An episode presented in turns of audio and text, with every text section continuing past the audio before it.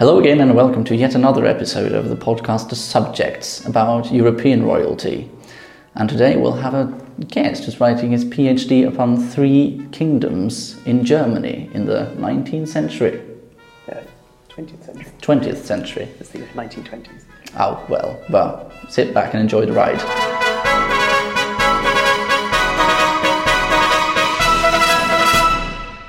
So, welcome to the podcast, Jonathan Triffit.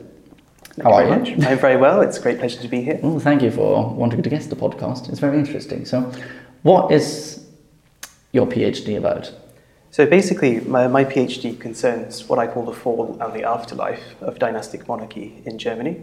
Um, so for a bit of context, between 1871 and 1918, uh, Germany exists as a federal empire, and there are 25 states, and 22 of those states are monarchies.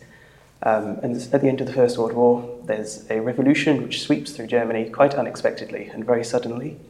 And 20, all 22 of these monarchs are overthrown in a matter of days. And so essentially, I look at um, what the Republican governments who come to power as a result of this revolution do to dismantle the sort of monarchical structure which they've inherited. Um, and then I also look at what the royals who were deposed do after they've been overthrown, um, and also how their subjects responded to the monarchy just disappearing.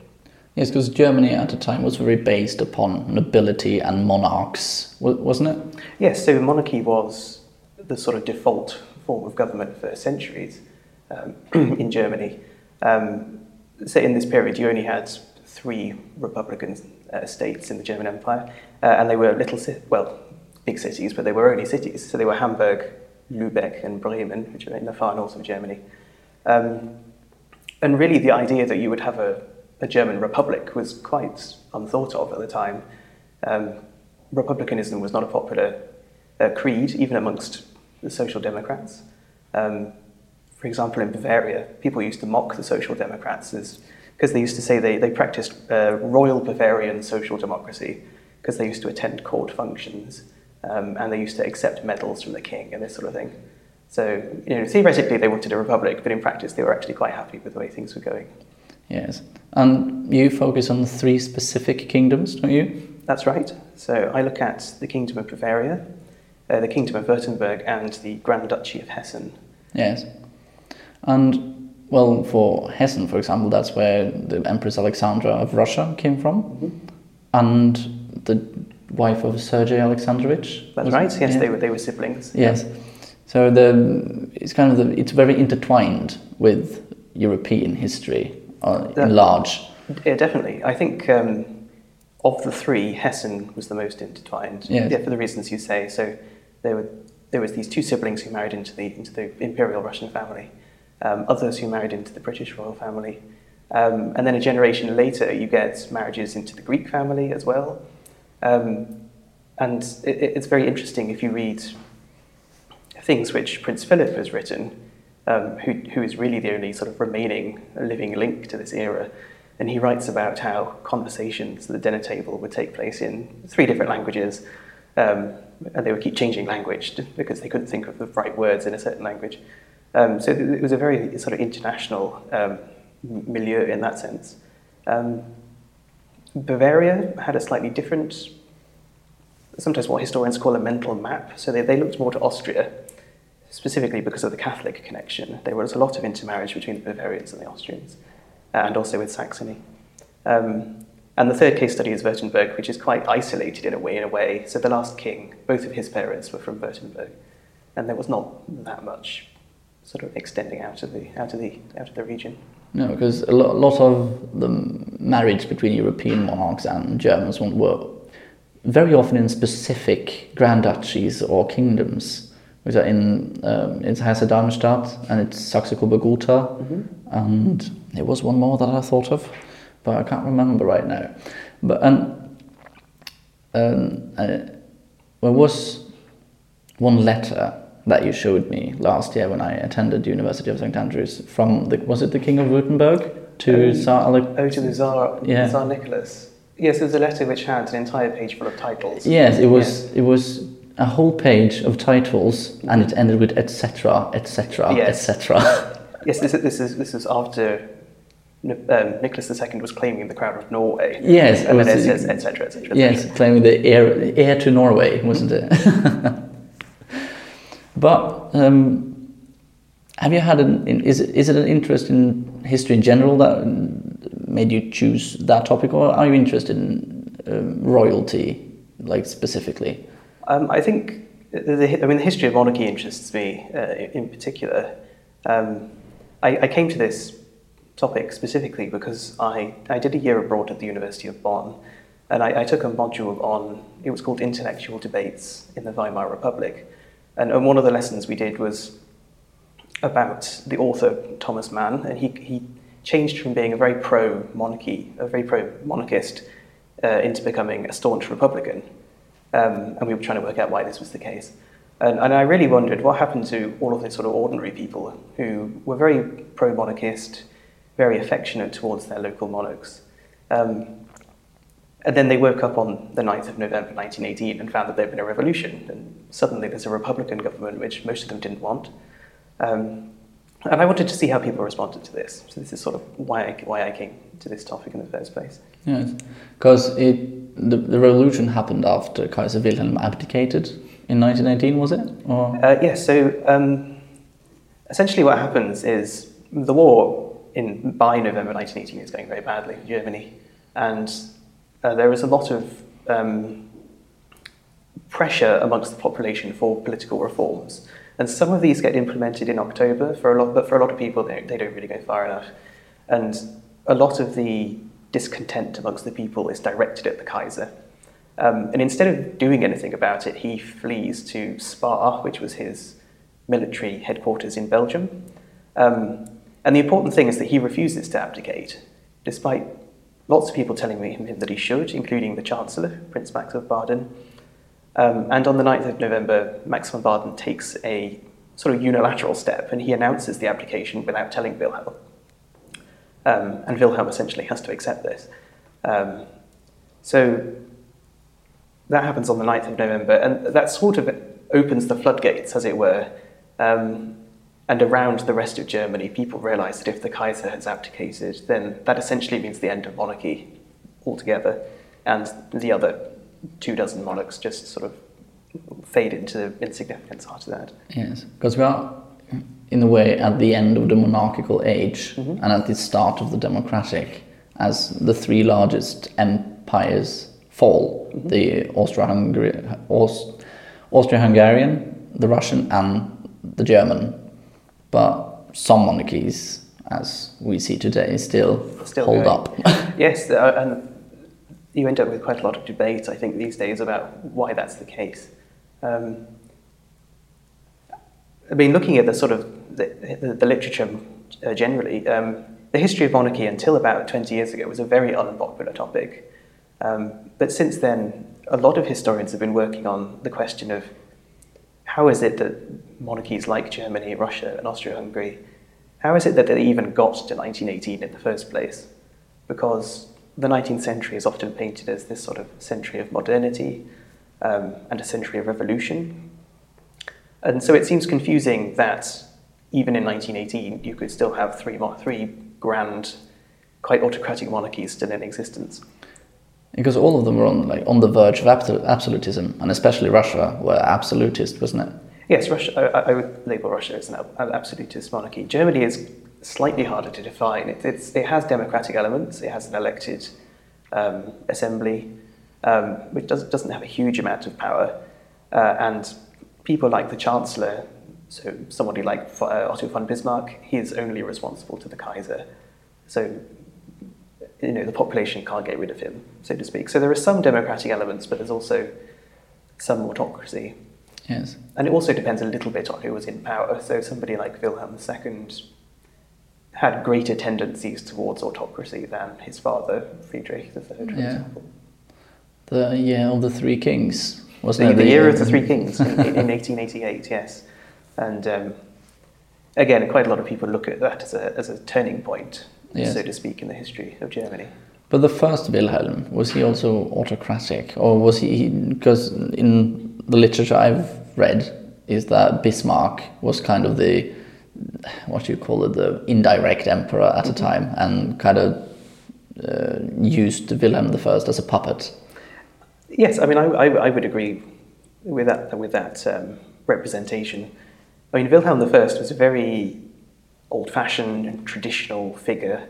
Um, it seems amazing if you, if you just look at his date of birth. He was born in 1797, which seems a huge, you know, great length of time ago when you're talking about the 1880s when he was when he was ruling, and he was really this sort of old-fashioned figure who was quite happy to be the king of Prussia and much more reluctant to be the emperor, which was the so in the German Empire, the, the king of Prussia was automatically the emperor, and he was much happier just sort of being king of Prussia, uh, and I would agree that for the most part he lets Bismarck run, run things.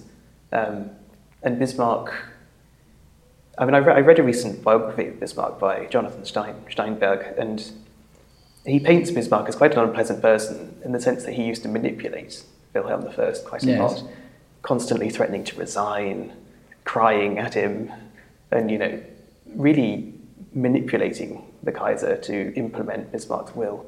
Yeah, because he was a strong personality in Germany and well, Bismarck, but as the chancellor and the way they wanted to build this empire.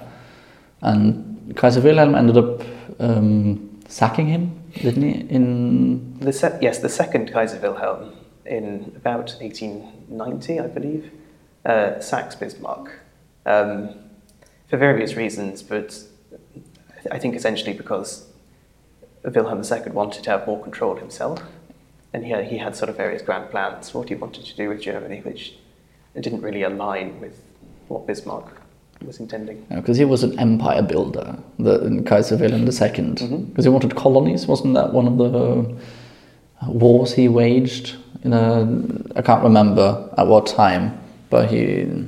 Yes, uh, uh, so the German Empire had a slightly odd relationship with with the colonies in the sense that Bismarck initially said that Germany had no interest in colonies. He had this famous speech where he said Germany was um, satiated, so it, was, it, it, had everything it could cope with already.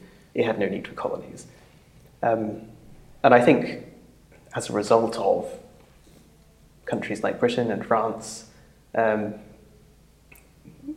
gaining large numbers of colonies, especially in Africa in this period, um, you have monarchs like Wilhelm II wanting to sort of get in on the action, so to speak and, and he, he wants what, what, he called Germ- what he calls Germany's place in the sun.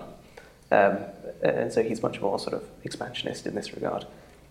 Yes, and he was a bit jealous of his cousin George V, wasn't he, and his grand empire. Yes, so he, I mean, Wilhelm II has this very complicated relationship with Britain in general. So his and all the rest of his family. Well, and the rest of his family, it's true, it's quite true. Um, so I, I've I have spent quite a bit of time reading letters written by other German princes, and you know, every now and again you do get these sort of rather dismissive and derogatory remarks about Wilhelm II being, you know, rather tiresome. Yes, yes, and I, I, I read that the um, uh, the king of Greece at the time, George I, mm-hmm. the grandfather of Prince Philip, he uh, was always down meeting down at the harbour, meeting and greeting Kaiser Wilhelm and uh, when he arrived for festivity or vacation or something, so that Kaiser Wilhelm would know that this is his land, not Kaiser Wilhelm's. Oh, right. I am the king of Greece, not you.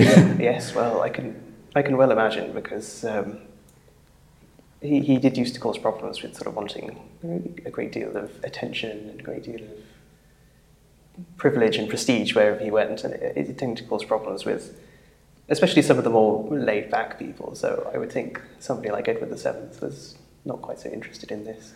No, and uh, he well, Germany was the reason for a lot of argument in the royal families at the time. For example, after the Schleswig-Holstein War, mm-hmm. with when and a few years later uh, that um, Alexandra of Denmark married Edward VII, when Victoria said, "We will take the girl, but not her politics."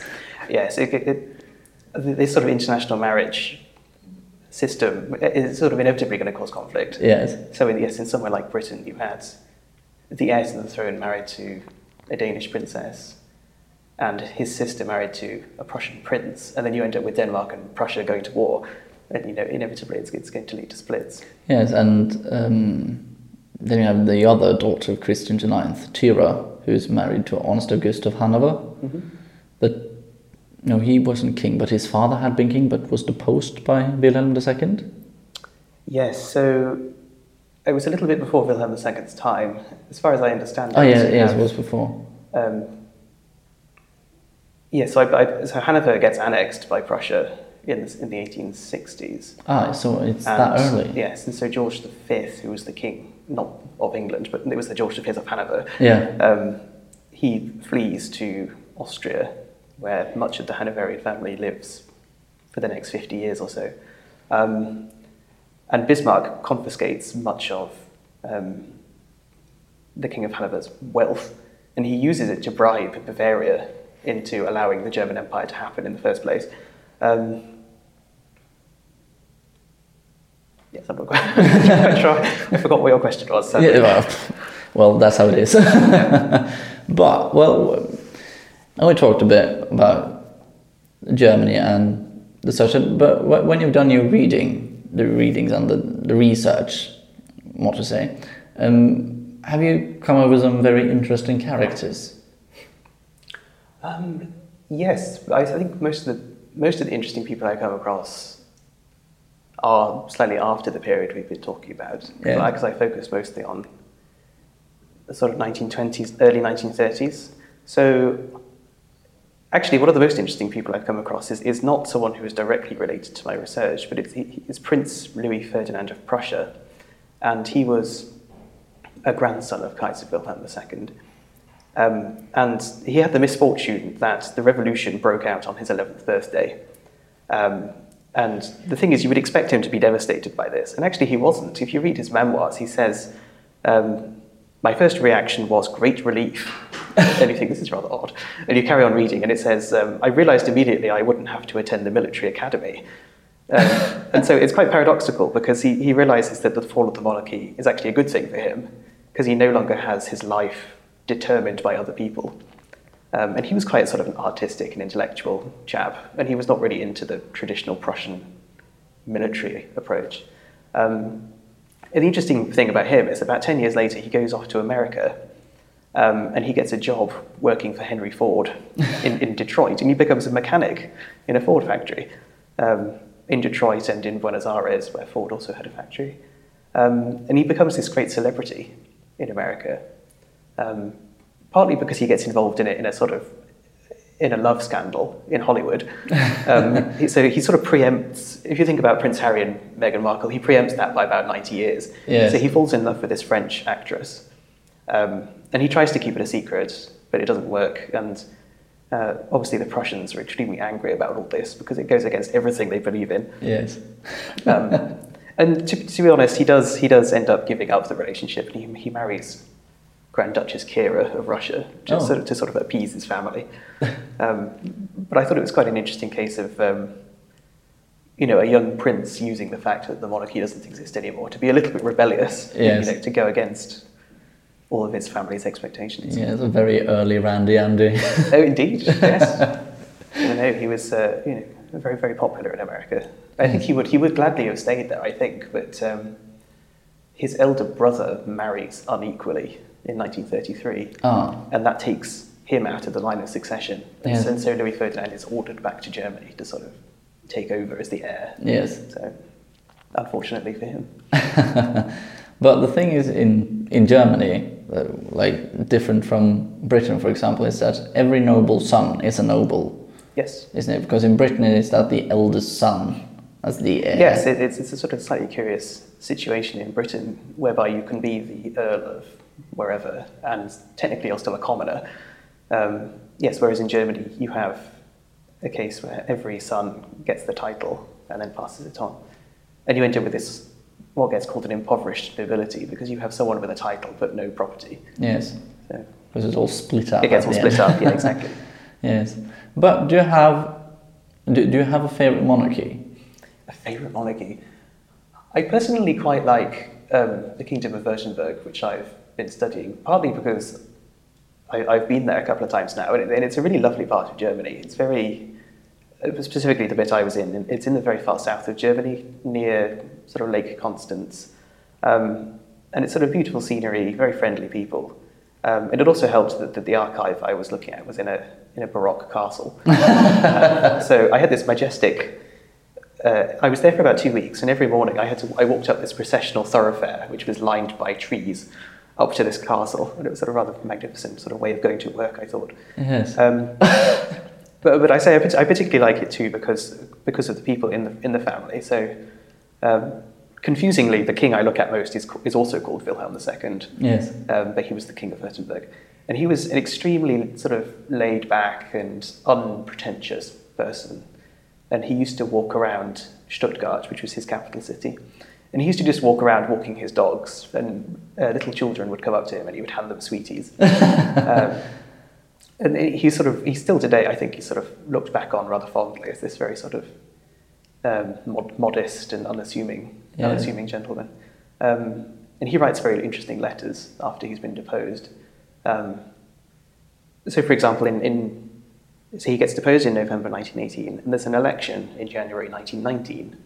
And he writes to all of his friends about how excited he is to take part in an election, because as the king, he was never allowed to vote.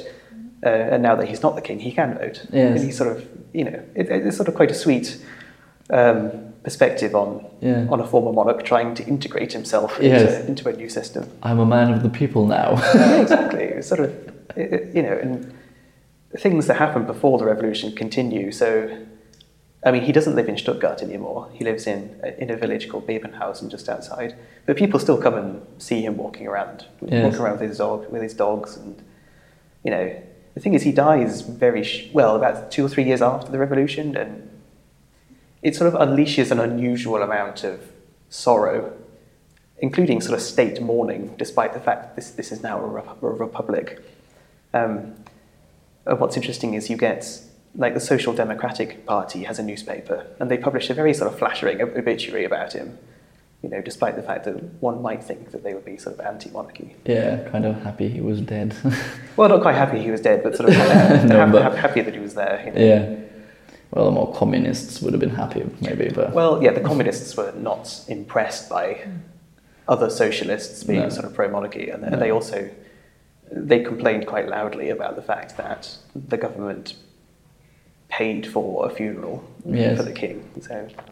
But Germany did so when Kaiser Wilhelm died, didn't they? It was in 1944. Kaiser Wilhelm dies in 1941. 1941. Um, and I, there was a big event. I, I must admit, I don't know a huge amount about it, but um, I think Hitler was present at least.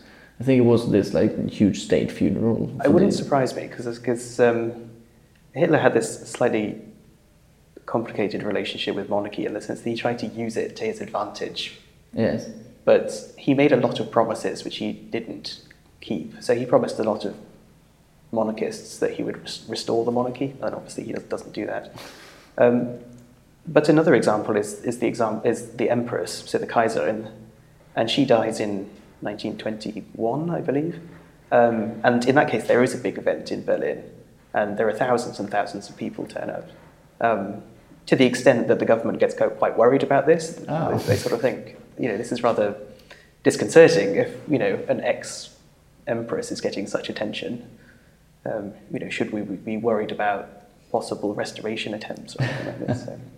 But could one say that the, the Weimar Republic and the rise of Hitler is kind of what would you call the, the last um, like death grabs of the monarchy, like because of the autocratic power it represents. Like both in the Weimar Republic, it's only Hindenburg that's president. Is it through the whole of the um, so not, not quite. There's the first president is Friedrich Ebert, who, who was um, a social democrat, um, a deputy in the Reichstag, uh, and he's president sort of by default at the start, just because he's the guy who's in charge of the social democrats. Uh, and he's president until 1925, and he dies suddenly um, and slightly unexpectedly. Uh, and then Hindenburg is elected, and he, he stays president until okay. 1934. So, but it's, a, it's an interesting point um, that you make. I think, I think a lot of historians tend to look at the Weimar Republic as a precursor to the, to the Nazi period. So it's, it's examined purely from the point of view of the Nazi period. Yes. So historians look at it and think, well, something must have gone wrong. Yes. So we must examine Weimar from this point of view. And partly what I want to do a bit in my research is to look at it from the other side. Yes. So I don't look at it as what came before the Third Reich, but as what came after the monarchy. Yes. Um, and so that, that, that's sort of the perspective I take when I look at how the Republican authorities try to get rid of elements of the monarchy. Um, and I, I, I think you're right about the idea of people like Hindenburg benefiting from um, a sort of an innate desire to have a strong leader. Yes. Um, there was a famous quote, I think, by Gustav Stresemann, and he was the, the, the foreign minister and also the chancellor in the Weimar Republic. And he said something like, the Germans don't want a man in a top hat, they want a man in a uniform with, with lots of medals. Yes. Uh, and really Hindenburg sort of fitted, fitted into that image of a, you know, a sort of quasi-monarchical figure. yes, because one could like if well, I'm very interested in Russia and especially Yeah. the Russian Empire. So one could, in a way, um, put it up to Russia today, the way that they look to this strong leader, because they're used to that, and maybe that might have been the fact in Germany with the Weimar Republic and then the rise of Hitler. Yes, uh, it's very interesting. Um, it, there are certain occasions where politicians, conservative politicians and monarchists, try to tap into this idea by getting one of the former royals to stand as the president. Yes. Um, and it never quite happens, but they, they, they nearly get the crown, uh, crown prince of Prussia, uh, Wilhelm, confusingly. Um, but they nearly get him to stand in 1932, but the Kaiser refuses. Um, and what's quite interesting is that just after the revolution, um, the revolutionaries, or the, the, the, sort of the new National Assembly, which gets gathered in, in 1919, they, they envisaged that this might happen. And so in the Constitution, there was originally a clause which banned all former royals from standing for the presidency. Yes. And it very nearly gets passed, and then uh, a group of conservative politicians ma- manages to get it struck out of the Constitution uh, at the last minute. So, in theory, you could have had a royal president. Um, and like I say, it never quite happened, but it was certainly, certainly a lot of people were suggested Yes. as possibly taking this role. So, Crown Prince Wilhelm was one, um, Karl Eduard of Saxe-Coburg-Gotha was one, and he was a grandson of Queen Victoria. Um, and you also get um, Adolf of Adolf Friedrich of Mecklenburg, and he was a, a colonial administrator, and later quite important in arranging the Olympics, I think. Ah, in Um, Berlin in 1936. Something like that. I think he was on the International Olympic Committee or something along these lines. Yeah. Um, yeah, so lots of people, even, even I believe even Mussolini got involved in thinking of a potential royal president for Germany, because obviously in Italy you had this system where you had a dictator and a monarch, Yes. and maybe they thought they could apply it to, to Germany. Yeah, and well, a royal as a as a state's leader has happened in modern days. With in has, Bulgaria, uh, yes, Boris, very interesting. Boris Um, II of Bulgaria became prime minister. Uh, yes, I think it's Sim- Simeon, I think it was. Uh, Simeon, yes, Simeon the second. Yes, Simeon the I, um, second. I- yeah, I attended last year. I attended um, a conference on the Battenberg family, which was held. Um, it was rather a curious conference. It was held in a in a castle in in Hessen, on a on a hill overlooking the Rhineland, um, and he was there. So, so Tsar Simeon was there, and he gave a talk. Um, sort of about his experiences of it, and I think he was monarch when he was only about six years old when he became Tsar of Bulgaria. Yes. Um, and he was of no great age when he abdicated. But yes, he, he later became, he was elected as prime minister, I think, in the, the early 2000s or something like this. Yes, he's quite the popular man in Bulgaria. I think that's right, yes. Um, and in, in Romania as well. Yeah, Um, Mikhail. Yes, you had, yes, King Mikhail. He, he didn't retain power, but he was also extremely popular. Yeah, and, and he, I think he attended like um, official duties, even though he wasn't king anymore. So, Right. so, so he was they the president invited him for official Oh, duties, or he um, invited uh, foreign states leaders to his palaces, and as such, they had some had some um, some land in Yeah. their in their holdings, but they didn't have the title. it's interesting to see how this happens. I think uh, they, one last example I'm aware of is um, Otto von Habsburg, who was the son of the last Austro-Hungarian emperor, Karl. Um, and he was born in 1916, or no, just before, just before the First World War, I believe. And anyway, he's obviously he gets swept away in 1918 because there's a, a, similar revolution in Austria, um, and he later becomes a, a, member of the European Parliament um, in the 80s and 90s, I think, and he was a very much a, um, very much in favour of European integration. Yes. Um, I don't, partly possibly because of his experience in a sort of multinational empire. I don't know, but it's sort of very interesting um, you know, you sort of see references to Dr. Otto von Habsburg, and you might think that's just his name, but actually, you know, he was the former crown prince of, yes. of Austria. Yeah, well, because they, they, they seem to integrate in all of these, like later um, government places. For example, in uh, a lot of German princes or just German nobility ended up being like in high offices in SS, for example, like um, the husbands of the sisters of Prince Philip are yes. the quite famous case yeah. that all of them married high office Nazis. Yes, so it's partly partly why I don't think any of them attended his wedding in 1947 because no, they were all dead sort of except one persona non grata. Yes, um, yeah, it's interesting to see this because um, I mean, like I said, Hitler had a complicated relationship with the, with the royals, uh, but he did use them to his advantage quite a lot. And, yes. Um, I don't know if you've come across. It's a book by Karina Urbach, and it's called it's called Go Betweens for Hitler. And I've heard of it. Essentially, she talks about how Hitler uses these royals and nobles as sort of personal ambassadors and emissaries to other people. And, and one of them is um, one of the princes you mentioned. I can't remember if it's he's either Philip or Christoph of Hessen. Um, and he marries the daughter of the King of Italy. And Hitler uses this as a link to Mussolini. Um, and sort of various of the other princes and do end up in the SS. So Kaiser Wilhelm's, one of Kaiser Wilhelm's sons, August Wilhelm, um, and he's known as Auwi as a sort of contraction of his two names. Uh, and he, he came up, he ended up very high up in the, in, in the Nazi sort of hierarchy. Um, and I think, I think I'm sure I read a statistic somewhere that Bav- something like Bavaria was the only state which didn't have a royal in the Nazi party at some point. Yes. And really the question is how dedicated were they?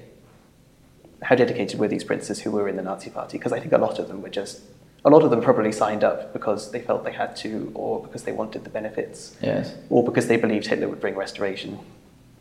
Um, and the thing is, a lot of them, it, uh, it's very hard to tell how interested they were in the Nazi Party because obviously afterwards they deny involvement. Yes. But have you seen The Crown, the, TV series on Netflix? Uh, bits of it. Yes, because you, if like you should see one of the one of the episodes are based on the plane crash that kills. Yeah. So I've seen. I think I've seen that scene. Yeah, because it really shows. Like I had like what what do you call it like. Um, it, well, it wasn't a pleasant scene to watch, like the funeral procession of his sister and their husbands, because mm-hmm. it just it's a long walk through a German street, probably in Berlin or it, would be in Darmstadt. Uh, Darmstadt, yeah. and they're all Nazis and they're all swastikas everywhere. Yeah, it's it's quite it was a real tragedy if you look at it because yes. you have I believe it was the Grand Duchess, her son, his wife and their two children and a couple of servants yes. are all killed in this plane crash. And not only that, they were en route to a wedding of yes. um, the sole surviving brother. Uh, it's a real tragedy. And um, I mean, I wouldn't be surprised if, it, if the event ends, did end up being sort of flagged with Nazi flags because there was, because um, uh, Georg Donatus, who was the hereditary Grand Duke who was killed in the plane crash, he, he was I believe, in the Luftwaffe, yeah. so in the German Air Force. Uh, and there would have been quite a considerable sort of Nazi presence at, at his, at his funeral. Um, there's a similar event of sorts takes place about three years earlier, I think, and it's the wedding between, I think it's the, the daughter of the Duke of Saxe-Coburg-Gotha and the Crown Prince of Sweden, um, whose names escape me for the moment, but Um, is it um, it's the Gustav Adolf? I think it's the parents of the current King of Sweden. Yeah, it's yes, Gustav um, Adolf. It was, yeah, it's now it's Gustav Adolf, and then it was yeah Adolf, Mm-hmm. probably, and his wife Sibylla. Sibylla, that's it. Yes, that's quite right. Yeah. So i- i- again, in that case, you have a you have this really weird combination of royal wedding and sort of Nazi, um, sort of Nazi party event almost. Yes. So you you have. I, I believe you had sort of royal flags interspersed with Nazi flags. It, Ah. it was a very peculiar scene. Yeah, very mixed. Yeah, exactly. yeah, but uh, one could say that maybe Hitler liked the thought of a monarchy as this elevated thing, as he looked at the so-called Aryan race as elevated. Yeah, it's quite possibly. I mean, his. If you read, I mean, I haven't read Mein Kampf, but I, I, I, I'm aware that in, in it he talks a little bit about about monarchy. Um, he's mostly very scathing about the Austro-Hungarian Empire, which, which I think he, he thinks of as being sort of outdated and very a sort of very inappropriate system for ruling over all of these diverse Yes. people. Um, but yeah, like I say, he, he made a lot of promises to people that he would restore the monarchy. I think mostly to get them on them on his side. So one of the most important people in this regard was um, Kaiser Wilhelm II, Kaiser Wilhelm II's second wife, who I think a lot of people don't know about. Who was called Her- Hermine, um, and she was many many years younger than him. In fact, I think she was younger than his sons. So it was a slightly odd sort of setup. Um, but she was very pro-Nazi from quite an early stage, and she organised meetings between the Kaiser and Goering Ah, yes. in an attempt to sort of get the idea of restoration high up in, in the Nazi sort of hierarchy. Yes. Well, we started with the German kingdoms and ended up with the Nazis. that's, that's- a that's- chat for you. That- That's quite a good sort of, um, you know, it makes sense to go in that direction. Yes, very, very historically fitting. but thank, thank you very much for guesting in the podcast. Thank you. It's been a pleasure. Yes, and I uh, hope we'll get to interview you later when you're done with your PhD. That would be nice. yes, so thank you very much. Undersåttene er presentert av Ole Jørgen Schulzer Johansen og Jørgen Kaupang Martinsen. Teknikk og etterarbeid er ved Rolf Jensen, og vi er produsert av Åsmund Janøy fra Schweinhund. Ønsker du å sponse Undersåttene, finner du en link under episodebeskrivelsen.